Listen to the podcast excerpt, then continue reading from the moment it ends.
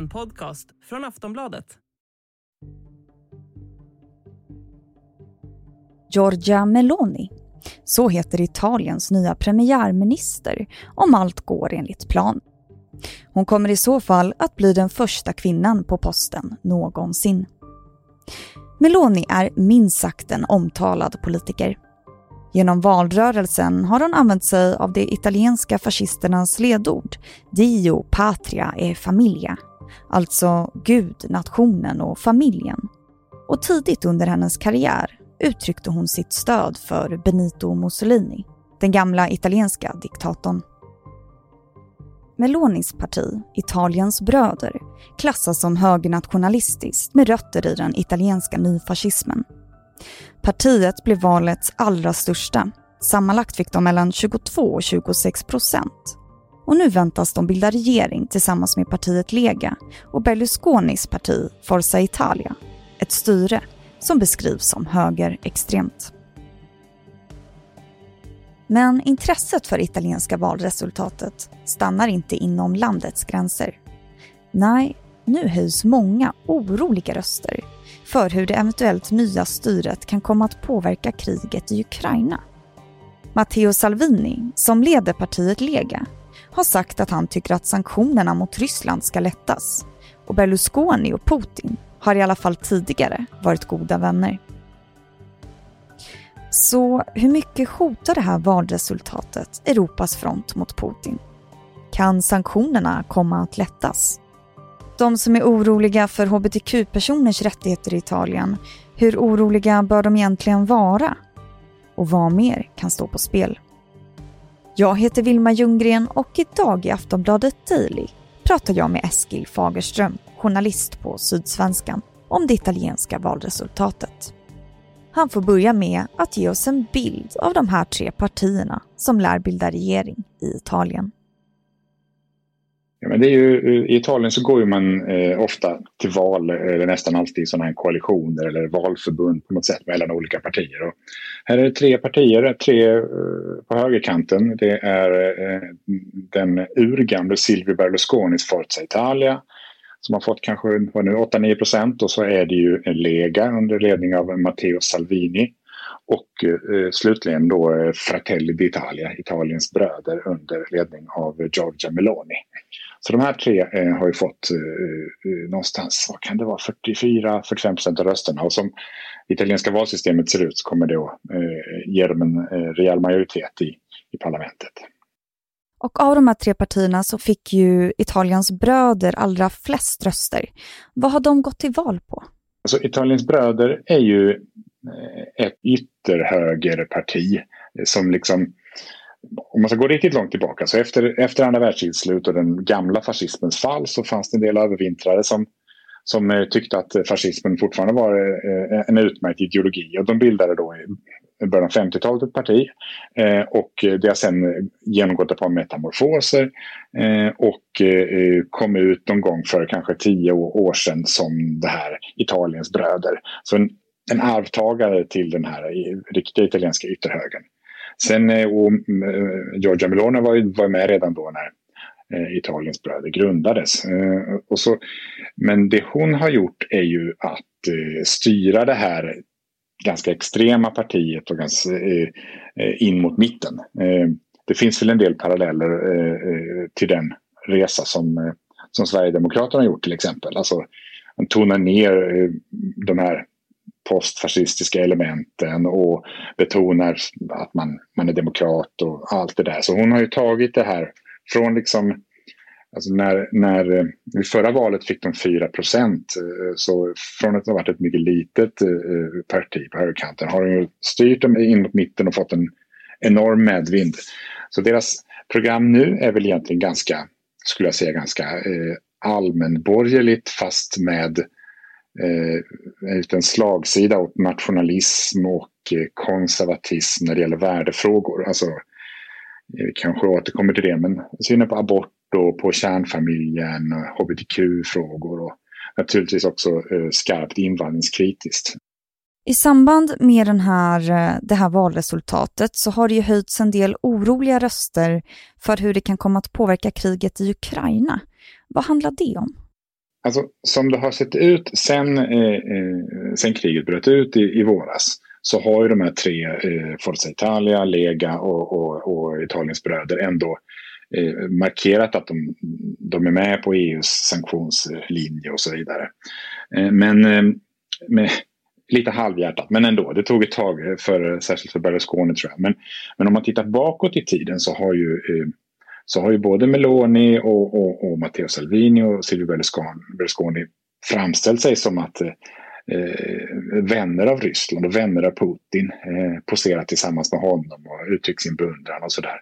Så att det man kan säga är att det här eh, den här regeringen kommer ju kännas som ett osäkert kort eh, när man från EUs sida vill försöka koordinera och kanske till och med skärpa sanktionerna mot Ryssland.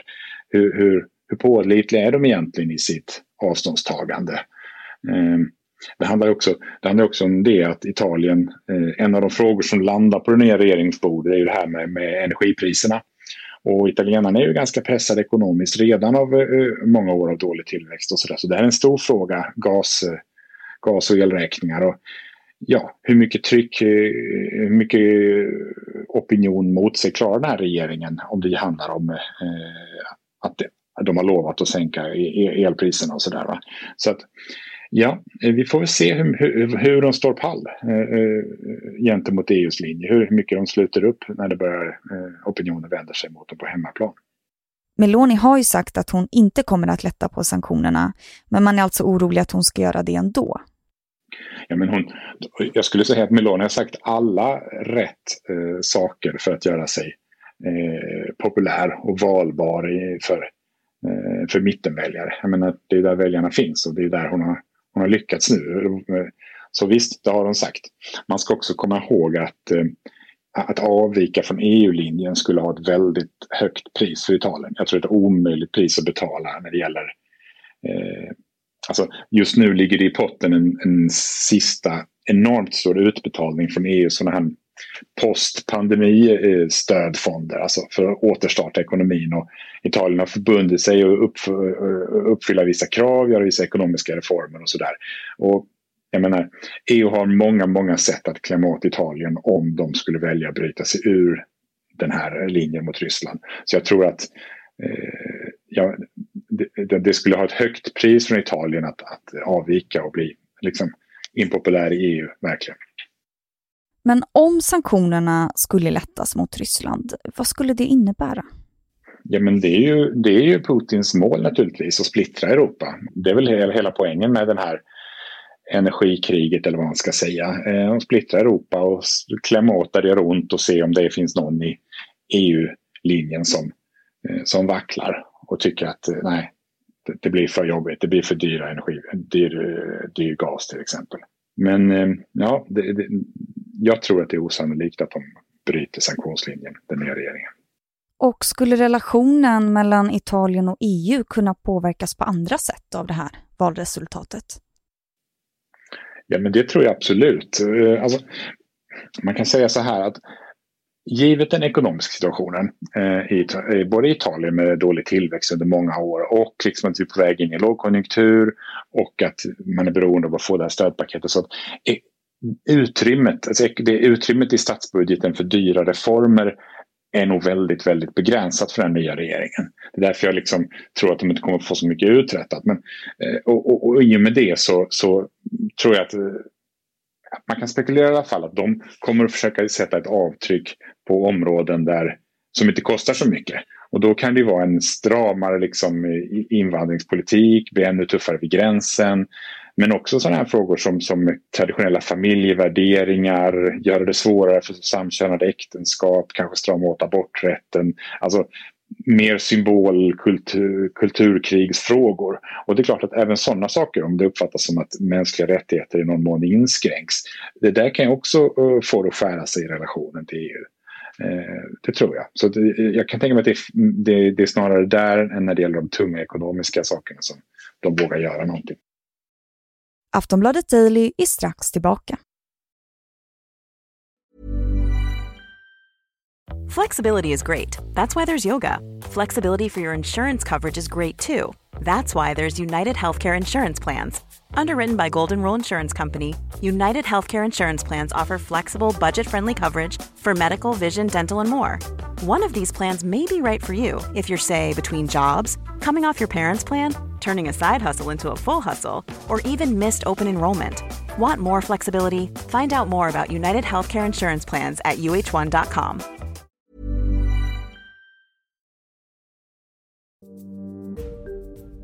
Bara några timmar efter att en vallokalundersökning presenterats så erkände sig det socialdemokratiska demokratiska partiet i Italien sig besegrade. Och Femstjärnerörelsen, partiet som blev allra störst i förra valet, verkar nu landa på 13,7 eller 17,5 procent. Vad är det som har hänt? Varför har oppositionen gjort ett så dåligt val? Vi hör Eskil Fagerström igen det finns ett politikerförakt i, i, i Sverige men jag tror inte det är i närheten av liksom det grundmurade misstroendet som finns mellan italienarna och eh, staten. Eh, italienarna är mycket mer lojala med sin, sin hembygd, kanske med sin region. Eh, sådana saker när man är på staten. Och, och staten har, och jag menar på goda grunder. Det har funnits stora problem med, med korruption eh, och, och, i den italienska staten i länge, länge, länge, ända sedan den bildades egentligen. Eh, så, så att, och, och, och, det är klart att alla de som symbol, man pratar om La Casta, kasten, som de här i Rom som åker runt i, i sina liksom bilar med mörka glasögon med säkerhetsvakter och tjänar stora pengar på att sitta i parlamentet. Alltså det finns en sånt avgrundsdjup misstro mot vad det här politiska systemet eh, kan leverera.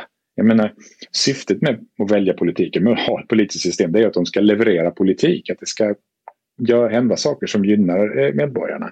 Och, och det italienska politiska systemet har ju inte kunnat göra det. Dels på grund av yttre omständigheter som att ekonomin har varit dålig men också på grund av det här ständiga tumultet och flyktigheten i väljarströmmarna och flyktigheten i regeringar och så. så att, eh, och vad som händer då är att det blir ett stort utrymme för, eh, för populism. Eh, alltså, och, och, och, då får man ju de här vågorna, snabba plötsliga vågorna där väljarna är väldigt rörliga. Vi kan ju se det när Forza Italia bröt in i början av 90-talet eller mitten av 90-talet.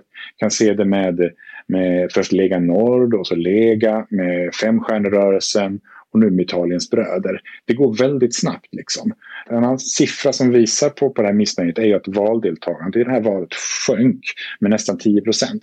Så man är ju nere på liksom 63-64 procents valdeltagande, vilket är väldigt, väldigt lite. Så jag menar, i realiteten om man tittar på det, så hur stor del av alla väljare har röstat på Meloni? Ja, men då handlar det ju kanske om 17-18 procent eller så, va? om man räknar dem som avstod. Eh, men, så det är missnöjd. Men om man tittar på oppositionen och återvänder till dem så, så det är ju det här enorma missnöjet. Så det är väl det. Alltså det, eh, Meloni uppfattas som en fräsch outsider som, som, har varit konsekvent och, och, rak. Medan de andra uppfattas som ett enda stort mischmasch av politiker i olika konstellationer som eh, inte levererar. Det har ju också höjts oroliga röster för hur det skulle bli för hbtq-personers rättigheter under en sån här regering. Vad har du att säga om det?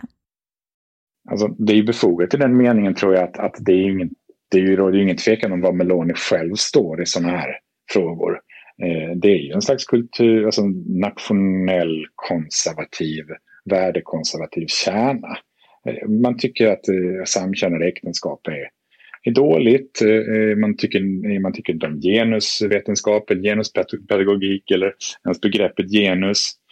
Eh, så, så att eh, det kommer ju blåsa mer snålt om, eh, om hbtq-personer i Italien. Eh, det tror jag verkligen.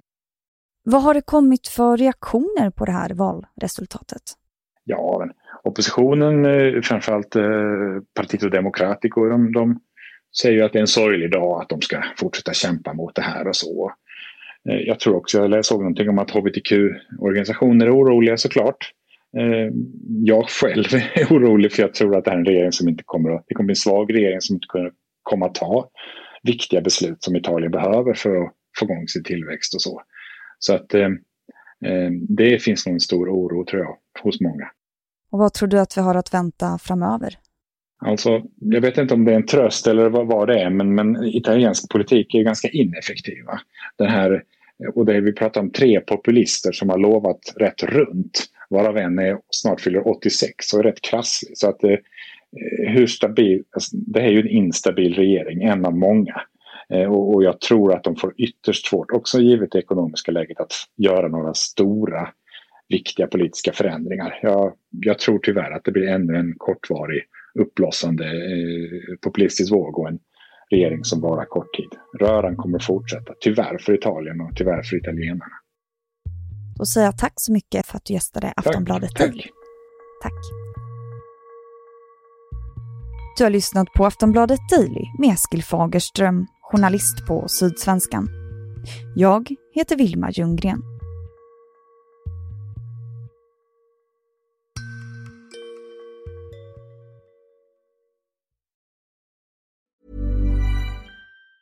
Say hello to a new era of mental health care. Cerebral is here to help you achieve your mental wellness goals with professional therapy and medication management support. 100% online. You'll experience the all new Cerebral Way, an innovative approach to mental wellness designed around you. You'll get a personalized treatment plan from a therapist, prescriber, or both in a safe and judgment free space. Your cerebral therapist or prescriber will outline a customized plan with clear milestones along the way so you can get to feeling your best. With Cerebral, you're not alone in your mental health journey. We're here to empower you to live a fulfilling life. So take that first step towards a brighter future and sign up today at cerebral.com slash podcast and use code ACasts to get 15% off your first month. Offer only valid on monthly plans. Other exclusions may apply. Offer ends July 31st, 2024. See site for details. Du har lyssnat på en podcast från Aftonbladet. Ansvarig utgivare är Lena K Samuelsson.